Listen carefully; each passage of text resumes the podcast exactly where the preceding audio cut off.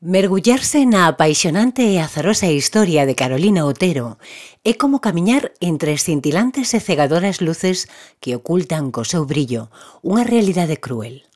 Bailarina, cantante, actriz e cortesá, a bella Otero converteuse nunha das personaxes máis emblemáticas do París galante da Belle Époque. Mentiu, inventou e fabulou como ninguén para esconder un pasado traumático que a obrigou a fuxir de Valga con só 12 anos tras unha brutal violación. Construíuse unha historia perfectamente calculada para catapultala á fama, á fortuna e o corazón de ricos e poderosos admiradores os que xamais conseguiu entregarse por completo, porque lle resultaba imposible confiar nos homes. Segundo ela mesma declarou, a súa verdadeira paixón foi o xogo. Morreu na Costa Azul, apartada do foco público, e con ela din que morreu tamén a propia Belle Époque. Ás veces a historia que ven nos libros non é a historia real, é a historia seleccionada por un autor. A teoría dos puntos cegos, iso que nos libros non se nos conta. A historia ten que completarse, necesita contarse enteira. Benvidas e benvidos a Aquí faltan páxinas, un podcast da Deputación de Pontevedra onde coñecerás historias de mulleres galegas extraordinarias que non sempre saen nos libros.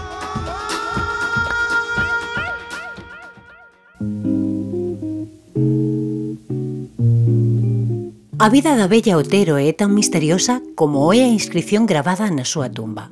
C. Otero, sen nome completo, sen data algunha, sen pomposos epitafios, sen información precisa, como a súa propia e enigmática existencia. Converteu o da bella Otero no gran papel da súa vida, desde as súas humildes e traumáticas orixes ata a súa ruinosa morte pasando por unha etapa de esplendor e gloria que poucas lograron repetir despois. Unha vida enxeñosamente autoficcionada, porque como ela mesma afirmou, non hai soño que resista a descarnada luz do sol ou o frío estilete da realidade. Ese foi o epitafio que a escritora Carmen Posadas escolleu para ela durante a investigación que realizou antes de publicar un libro alrededor da súa vida.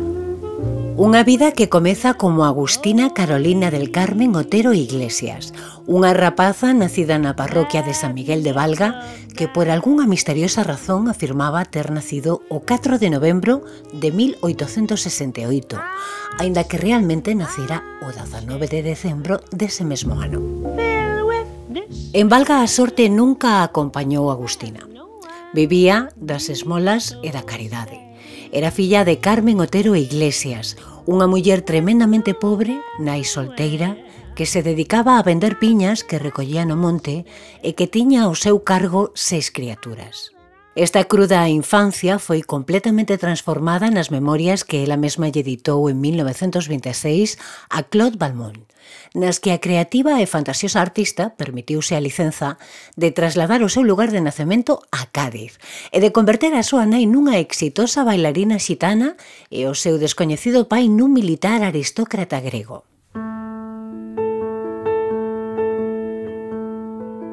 Esta fábula ocultaba unha amarga realidade que probablemente non quería ni lembrar ni facer pública.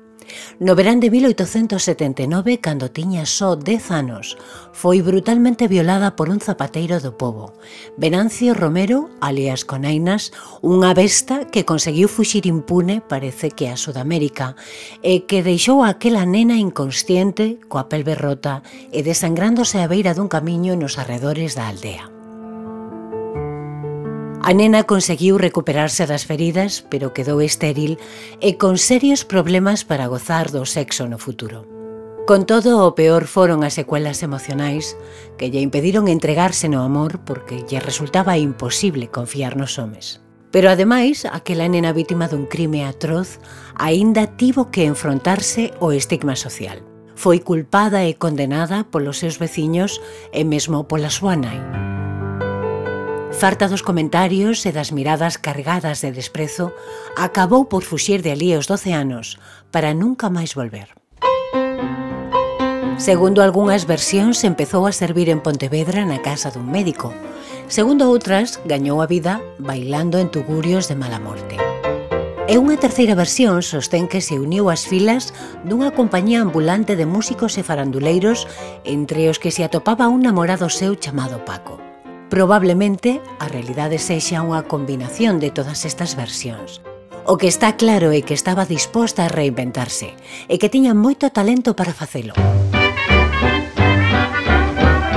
Contase que foi o tal Paco algúns anos maior que ela quen ensinou a Agustina, que xa se facía chamar Carolina, a bailar flamenco, a cantar e a actuar como comediante.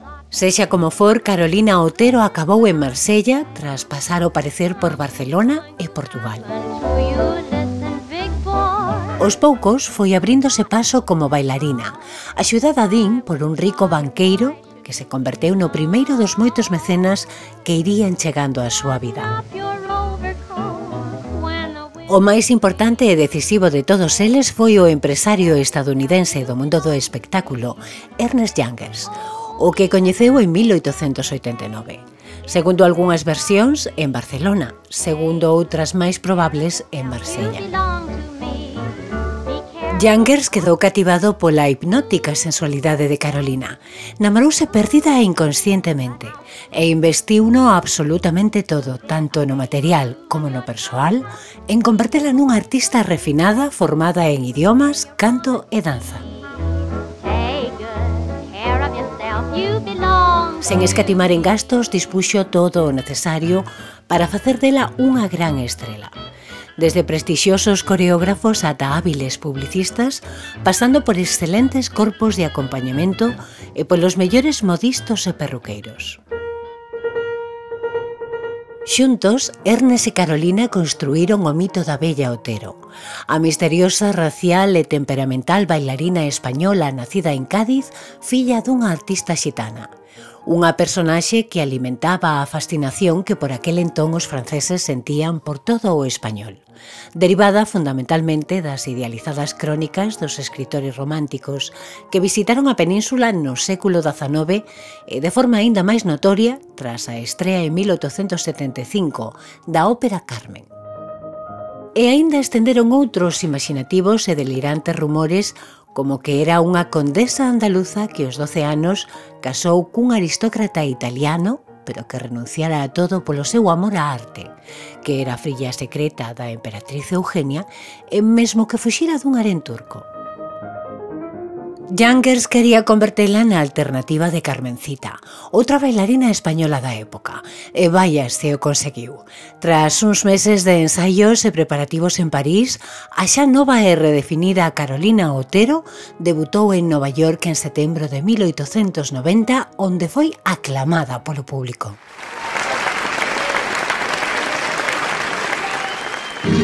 A súa técnica, tanto no canto como na danza, non era perfecta, pero iso suplíase sobradamente co seu magnetismo e o seu gran carisma, alimentado por esa combinación de misterio, sedución e exotismo que de forma tan hábil mesturaran na coteleira para obter esa aura de lenda que a envolvía, a idealizada furia española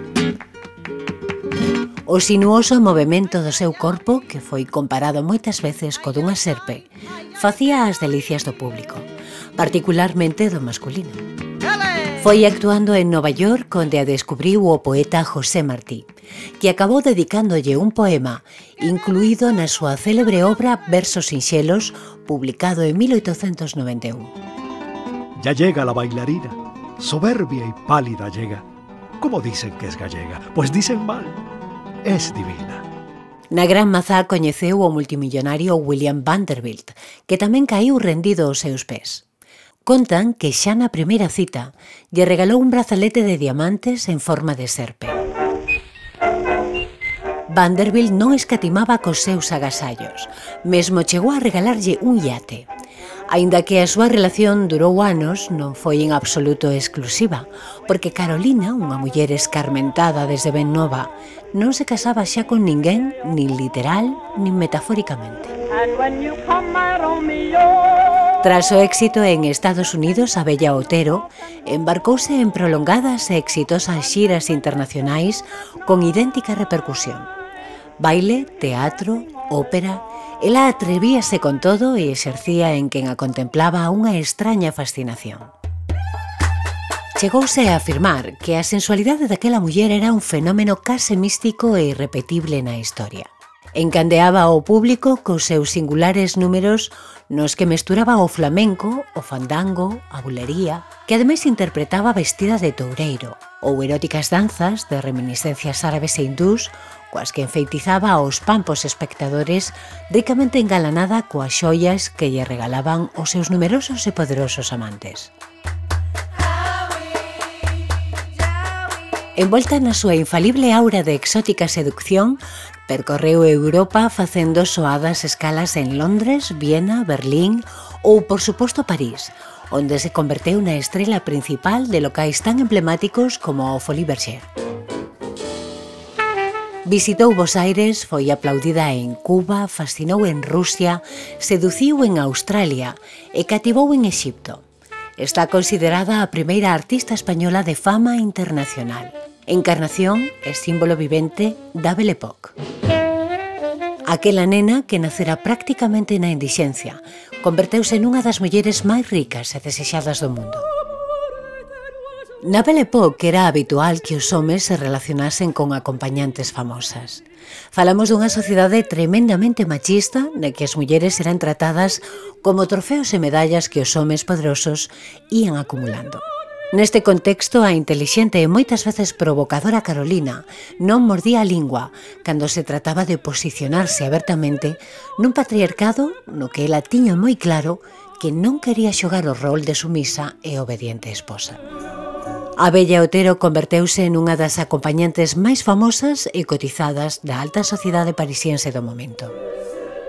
Entre os seus moitos e poderosos amantes contáronse membros da aristocracia e da realeza, o príncipe Alberto I de Mónaco, Leopoldo II de Bélxica, o zar Nicolás II de Rusia, Alfonso XIII de España, o Kaiser alemán Guillermo II, o príncipe Nicolás de Montenegro, ou Eduardo VII de Inglaterra, cando aínda era príncipe de Gales.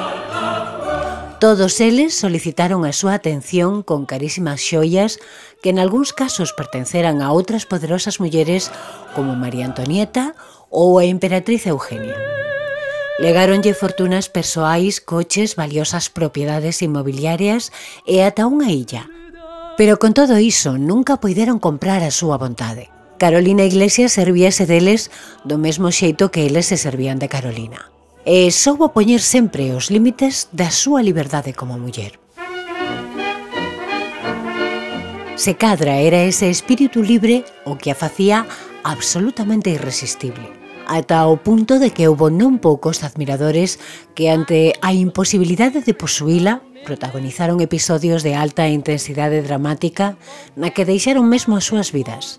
A linda conta que foron en total seis os homes que se quitaron a vida tras negarlles a Bella Otero os seus favores ou retirarllos despois de terllos concedido. E por iso chegou a ser coñecida como a serea dos suicidios. Pero ela tamén tivo que encaixar algunha derrota sentimental. En concreto a do recoñecido deportista Eugene Sandow, considerado o pai do culturismo moderno, e o inventor de algúns dos aparatos gimnásticos de máis éxito da época. Aínda que non é unha das súas historias máis comentadas, parece que Carolina se lle declarou durante unha estancia en Nova York, pero Sandow rexeitouna e confesoulle que prefería os homes.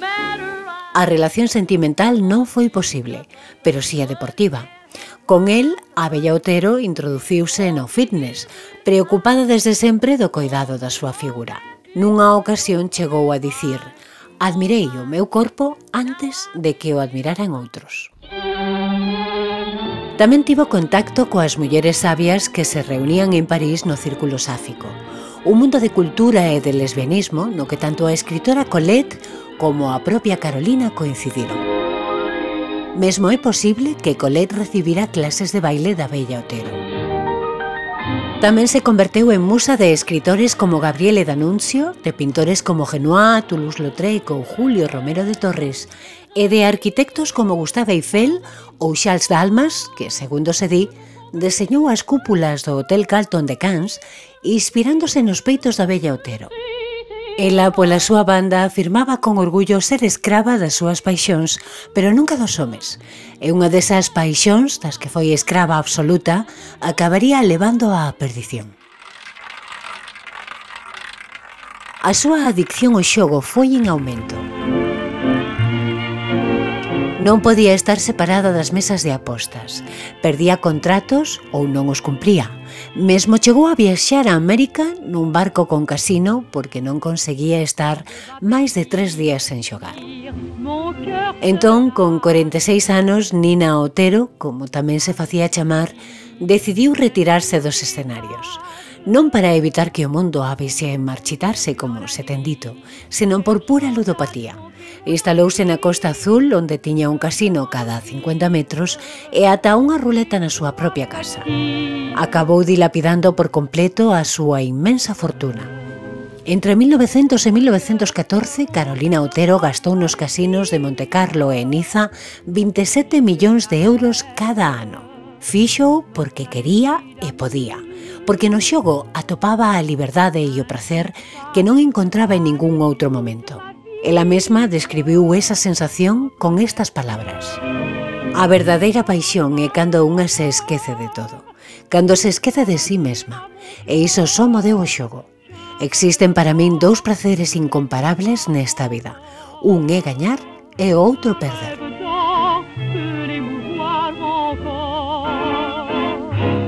E vaya se perdeu. Perdeu no todo. Diñeiro, xoias, propiedades inmobiliarias, coche, o seu yate, a súa illa... E xa octoxenaria e completamente arruinada, viuse forzada a solicitar unha axuda social ao goberno francés. Para tramitala tivo que presentar a súa partida de nacemento. E foi aquel documento que ela tanto se esforzara en ocultar o que acabou revelando ao mundo as verdadeiras orixes da lendaria Bella Otero, a verdadeira historia da pequena e fortunada Agustina. O 10 de abril de 1965, aos 96 anos, a Bella Otero morreu nunha modesta pensión de Niza que ao parecer lle pagaba por caridade o propio casino de Montecarlo, o que tanto diñeiro fixera gañar. Naquela habitación, conservando intacta a súa gran clase, e rodeada de recordos e recortes de prensa que se facían eco dos seus días de gloria, foise a artista máis icónica da excesiva e delirante Belle Époque.